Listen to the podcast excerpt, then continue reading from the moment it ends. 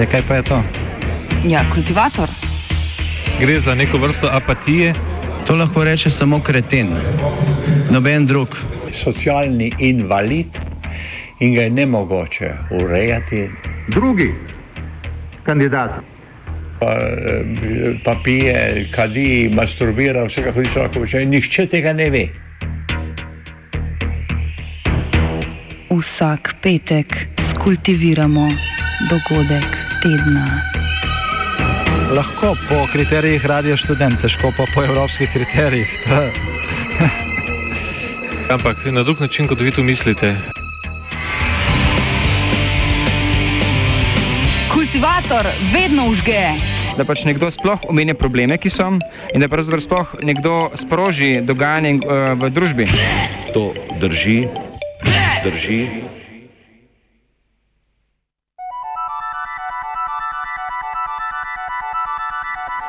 Zdravstvo v stari krizi.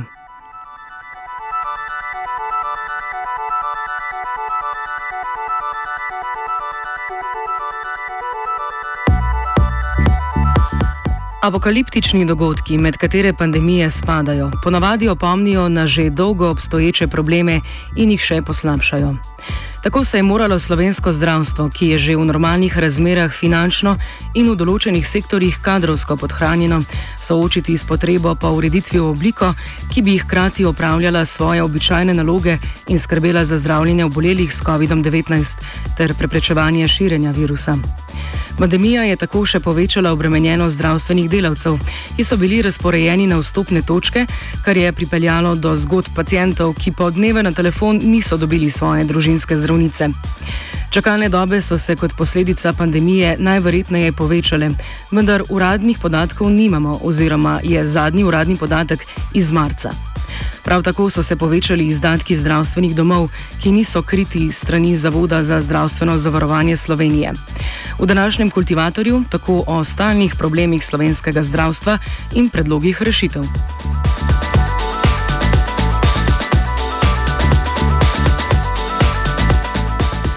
Na vstopnih točkah so do danes opravili 231 tisoč testiranj. V septembru so vsak delovni dan testirali med 2000 in 3700 morebitnih okuženih, medtem ko so avgusta dnevno testirali največ 1200 ljudi. Na račun porasta testiranj pa primankuje zdravnikov, ki bi se posvetili pacijentom, ki niso okuženi s koronavirusom.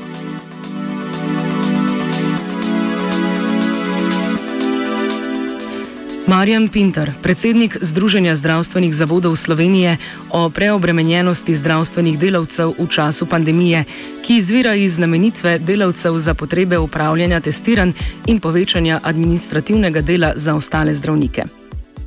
To je vse iz sistema, ki je že tako kadrovsko podhranjen in uh, seveda to je na račun dodatne obremenjenosti ljudi. Te COVID točke so v veliki meri na primarni ravni, sedaj tudi nekaj v bolnišnicah in seveda na razpolago so tisti kadri, ki jih te ustanove imajo, sej nekih zunanjih kadrov itak ni mogoče pridobiti. To so ljudje, ki delajo na drugih mestih, ampak tudi sicer je trenutno uh, sistem izrazito bolj obremenjen z administrativnimi opravili. Kajti mi smo prebivalcem povedali, da brez telefonskih klicev, brez najave ne morejo prihajati do zdravstvenih storitev.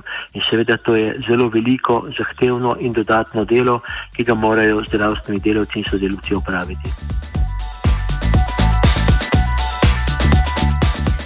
Zaradi pandemije je treba prek telefonskega klica pridobiti zdravniško dovoljenje za obisk ambulante, kar pa je pogosto zaradi preobremenjenosti osebja dolgotrajen postopek. Pintar o času, ki ga medicinske sestre družinske medicine sedaj porabijo za klice in presojanje, kateri pacijenti morajo priti v ambulanto. Po neki analizi, ki smo jo opravili, je medicinska sestra v ambulanti eh, splošne medicine samo na telefonu trenutno okrog 3,5 ur od 6,5 ur ordinacijskega časa. Torej, za vse ostalo delo ji ostanejo samo 3 ure. Ampak to še ne pomeni, lahko si predstavljate, da je 3 ure od 6,5 ur zaseden telefon, ker je sestra na telefonu. In marsikdo, ki kliče, težko pride do medicinske sestre in osebja. In ljudje neprestano kličejo in so nezadovoljni, kaj se je spremenilo. Spremenilo se je to, da preprosto ni mogoče več oditi k zdravniku, ampak je potreben nek drugačen protokol, ki zahteva dodaten napor, eh, bo rekel, zdravstvenih delavcev in sodelavcev. In ja, zato bi potrebovali dodaten kader, ki ga ni.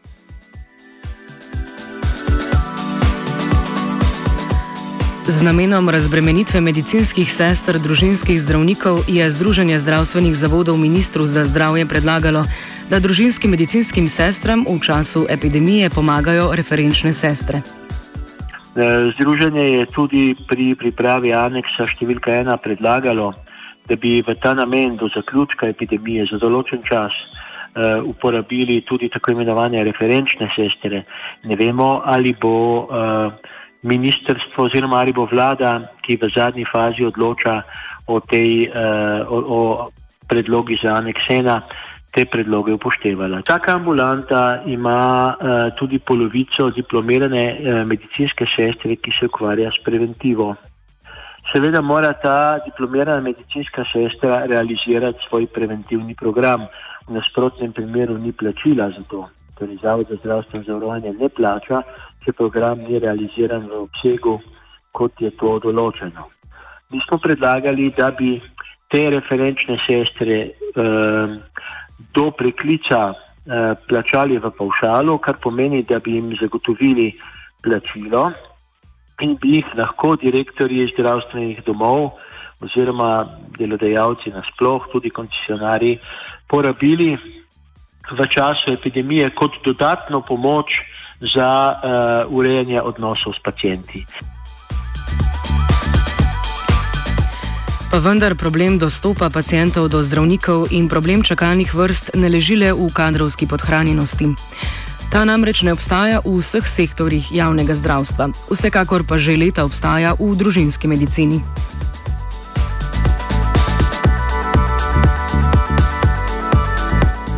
Brigita Skela Savič, predstavnica katedre za zdravstvene vede Fakultete za zdravstvo Angele Buškin, o kadrovski podhranjenosti in kako je tale delček rešitve za izboljšanje slovenskega zdravstva.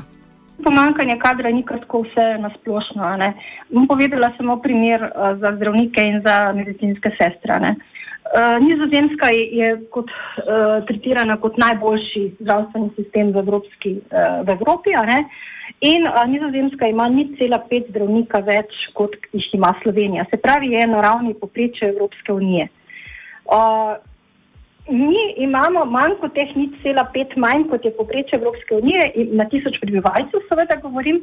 Imamo manjko predvsem na področju družinske medicine in nekaterih specializacij, kot je anesteziologija, um, reumatologija in druge. Ampak ključno, ključni podatek je, da je primarna raven za zdravniki najbolj podhranjena. Tako da uh, ni, ni samo uh, štos v tem, da je potrebno imeti več zdravnikov, pa bo sistem rešen, pa boljše jih je potrebno plačati. Se njena zadnja smo plače zdravnikov že kar neki let dvigovali, ne, pa se stanje nič ni izboljšalo. Problemi dolgo žive družbe nagovarjajo kompetence celotnega zdravstvenega tima in ne samo kompetence zdravnikov in število zdravnikov in plače zdravnikov. Drug problem je pomankanje financ. V prvi polovici letošnjega leta se je v rdečih številkah vilo 39 od skupno 104 zdravstvenih zavodov. Skupaj so pridelali 23 milijonov evrov izgube, kar je 10 milijonov več kot lani. Največ, nekaj manj kot 6 milijonov izgube, ima Univerzitetni klinični center Ljubljana. To je zato, ker lahko manjše bolnišnice višek pacijentov pošiljajo v večje bolnišnice. Ta presežek pa se nabere v UKC Ljubljana in UKC Maribor, ki spremeta vse pacijente. Osnovni problem je predvsem v tem, da so predvidena sredstva premajhna za potrebe, s katerimi so soočene ambulante.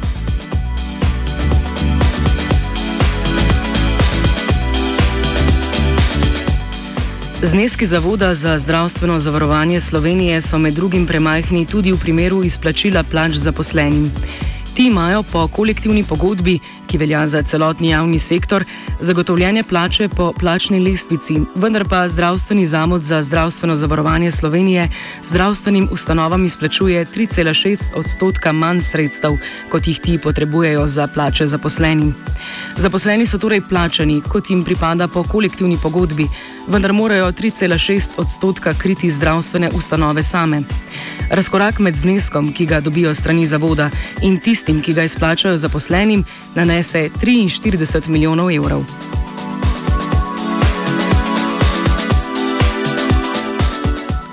Pintar o razliki med denarjem za plače zaposlenih, ki ga ZZZS izplačuje zdravstvenim ustanovam, in zneskom, ki bi ga morali plačevati, da bi s tem upoštevali kolektivno pogodbo javnega sektorja. Ko je vlada sprejela eh, kolektivno pogodbo in z njo določila višino plače, so vsi tisti, bom rekel, zaposleni v javnem sektorju, ki so plačani iz proračuna, že naslednji mesec dobili sredstva za plačilo teh plač po višji plačni lestvici. To se seveda v zdravstvu ni zgodilo, zato ker v zdravstvu sredstva ne zagotavlja proračun, ampak Zavod za zdravstveno zavarovanje. Mi smo nekaj let imeli, uh, uh, torej uporabljali za kalkulacijo cen plač na lestvico, ki je bila za 3,62% nižja od plačne lestvice, ki jo je vlada dogovorila s sindikati. Seveda je zaradi tega nastajala izguba v zdravstvenih zavodih in uh, mislim, da je tudi sam Zavod za zdravstveno zavarovanje priznal utemeljenost uh, naših zahtev. Uh, seveda do realizacije ni prišlo z razlogom, ker so zatrjevali, da ni denarja. Po zadnjih informacijah, ki jih imamo, bo ta uh, to neskladje v aneksu številka ena, ki je zdaj v obravnavi na vladi, tudi odpravljeno in bo uh, ta disproport tudi pokrit vsaj za naprej. Podobna zgodba se odvija med Zavodom za zdravstveno zavarovanje Slovenije in zdravstvenimi ustanovami, ko gre za določanje sredstev za zdravstvene storitve. Enkrat letno zdravstveni zavodi in Zavod za zdravstveno zavarovanje Slovenije sklenajo pogodbo o višini izplačila, ki ga ZZZS nameni zdravstvenim zavodom za upravljanje storitev. Ta znesek je skoraj da vedno manjši, kakor dejanska sredstva, ki jih zdravstvene ustanove potrebujejo za vse svoje stroške. Skela Savič o sistemu izplačil Zavoda za zdravstveno zavarovanje Slovenije in pomankanju ključnega podatka, koliko operacij in predlogov bi zdravniki lahko izvedli, če denar ne bi bil ovira. Vemo, da ZZS plačuje omejeno število storitev za zdravstvenim zavodom, na ta način, ker omejuje število storitev, se ne usklajuje z dejanskimi potrebami, ki jih imamo državljani na področju zdravstvenih storitev se pravi prvih pregledov in diagnostično-terapevtskih storitev in s tem pač prilagaja svojo finančno vzdržnost. Zaradi tega tudi uh, nastajajo čakalne vrste. Druga stvar pa je, da nimamo podatka, koliko storitev, kot jih izvajajo trenutno zdravstveni zavodi, ki so plačene, koliko več bi jih lahko naredili še zdravstveni zavodi. Ker to je prvo vprašanje, ki se pojavlja v okviru javnega zdravstva koliko je plačeno in koliko smo zmožni narediti. Mi samo spremljamo čakalne dobe, nimamo pa podatka o kapaciteti zdravstvenega sistema. Krajšanju čakalnih vrst je namenjen tudi bodoči razpis Ministrstva za zdravstvo, ki je še v pripravi. Nacionalni razpis za skrajševanje čakalnih dob namenja 42 milijonov evrov direktno iz proračuna krajšanju čakalnih vrst, saj je število čakajočih pacijentov nad nadopustno oziroma nad dopustno mejo. Največje. Ta denar je že zagotovljen v proračunu kot del petega protikorona paketa ukrepov.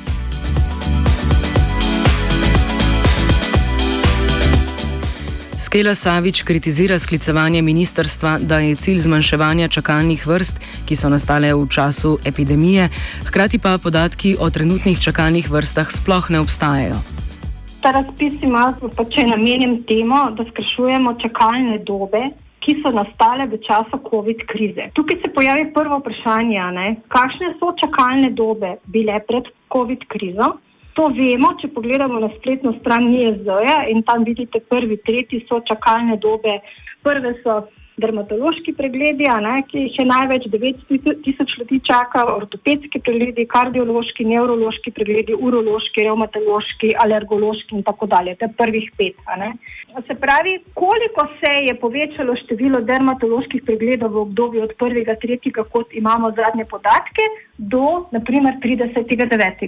Ker razpis se sklicuje na skrajševanje čakalnih dob v času epidemije vendar tega podatka nimamo. Na razpis se lahko prijavijo tako javni, kakor zasebni zavodi, kljub temu, da je breme obravnave koronavirusa prevzelo predvsem javno zdravstvo. Po mnenju ministra Gantarja, citiramo, Za pacijenta je pomembno, da je zdravstvena storitev opravljena, ne glede na to, ali jo opravi zdravnik v javni zdravstveni mreži ali zasebnik. Ključno je, da bo ta obravnava pravočasna, kakovostna in brez plačila iz žepa. Konec citata. Skela Savič pojasni, kako kriteriji razpisa favorizirajo zasebno zdravstvo. Druga, druga stvar, ki bode v oči, so pogoji za prijavo na razpis ker se lahko javijo tako javni zavodi kot zasebni zavodi. Pri tem pa seveda teh, poleg teh materialnih prostorskih pogojev piše, da morajo zagotavljati ustrezno kadrovsko zasedbo. Termin ustrezna kadrovska zasedba pa ni nikakor pojasnen. Ne? In to se pa seveda lahko pomeni, da ti kot zasebni zavod prikazuješ kadre v tej, v tej vlogi prijavi na razpis, ki so dejansko zaposleni v javnem sektorju, pa po pogodbi delajo pri tebi. In zdaj se pojavi vprašanje, ker je tukaj še naslednja omejitev, da je nagrajevanje za to delo v javnem sektorju omejeno na 50% osnovne plače, v zasebnem sektorju pa ni nobene omejitve, zakon tega ne predvideva. Ne? Da seveda se pojavi vprašanje interesa, ne? koliko bom dobil za operacijo krčnih žil, za čakalne vrste v javnem zavodu, in koliko bom dobil pri zasebniku. In zasebnik bo, verjemite, bolj konkurenčen, zato ker on nima stroškov plač pri zaposlenih in ima samo stroške po pogodbi, če bo to izvajal z pogodbeniki. Zato v bistvu ja, razpis nekako uh, enako, enači status javnega zavoda, ki zaposluje zdravstvene delavce za izvedbo storitev in status zasebnikov, ki za storitve, ki izvajajo, ne zaposlujejo uh, ljudi, uh, zdravnikov in medicinskih sester, oziroma jih zaposlujejo v manjšem obsegu in se prilagajajo temu, da ko imajo več storitev, pa ne jamejo pogodbenike. Ne? In zaradi tega so seveda lahko bolj učinkoviti. Skela Savič opozarja, da je treba biti kritičen do razpisa za krajšanje čakalnih dob na načelni ravni, saj takšen razpis daje prednost privatnemu zdravstvu pred javnim in je morebiten znak večje privatizacije slovenskega zdravstva. Dolgoročno se nam lahko zgodi to, kar se nam je zgodilo z prostovoljnim zdravstvenim zavarovanjem, ki je bilo uvedeno začasno, pa ga plačujemo že od leta 1993 pa uh, nimamo nobenega vpliva na to, kako se ta denar porabi in kako se porabljajo presežki, ki bi se morali vložiti nazaj v zdravstveni sistem v celoti. Uh, tako da um, javno zdravstvo uh, je ključnega pomena za ohranitev uh, zdravja v družbi, zato ker ni naravnano na tržni način.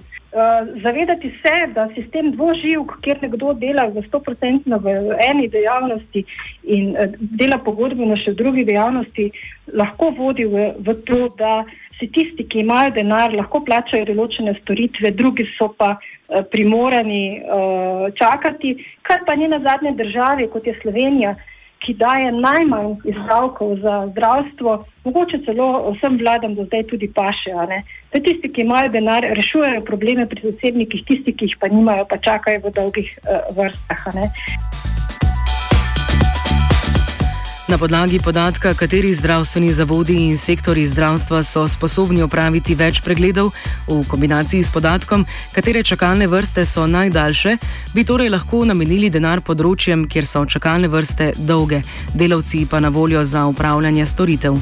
Skela Savič o tem, kako bi moral ministr Gantar izvesti razpis za skrajševanje čakalnih vrst, da bi ta dejansko skrajševal čakalne vrste javnega zdravstva. Najprej bi moral minister zbrati podatke, kakšne so kapacitete javnega zdravstva, ki niso plačene. In seveda to, to se eh, pač lahko opredeli na ravni eh, nekega časovnega obdobja, se pravi leta 2021 ali pa od novembra 2021 do naslednjega leta, koliko določenih prvih pregledov in diagnostično-terapevtskih storitev lahko izvedete na tem področju. In potem bi zdravstveni zavodi dali te podatke in na osnovi tega bi se minister lahko odločil, aha, za dermatologijo pa imamo premalo kapacitet v javnem sektorju, bomo uh, del, del teh čakajočih v vrstah napotili tudi k zasebnikom in bomo tudi za njih odprli razpis. Ampak pod pogojem, da ti, ki delajo v javnem sektorju, ne bodo skrajševali vrst pri zasebnikih, ampak jih bodo skrajševali v javnem zavodu. Se pravi, da bodo imeli možnost, da bodo poleg svojega rednega dela tudi v popodanskem času delali uh, program skrševanja čakalnih vrst in tudi v soboto do povdne. Zato pa morajo biti ustrezno nagrajeni in uh, omejevati nagrajevanje javnih zavodov, ne pa zasebnikom, je v tem razpisu nepravično, nedostojno, nekorektno ker pač človek bo šel delati tam, kjer bo boljše plačan, ker ima dovoljenje, ker konkurenčne klauzule v zdravstvu ne velja. Glejte, jaz delam na fakulteti.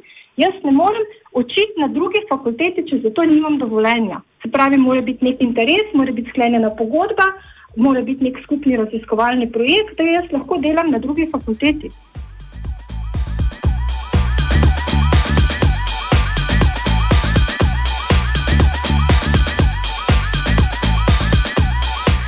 Kultivirala je geja.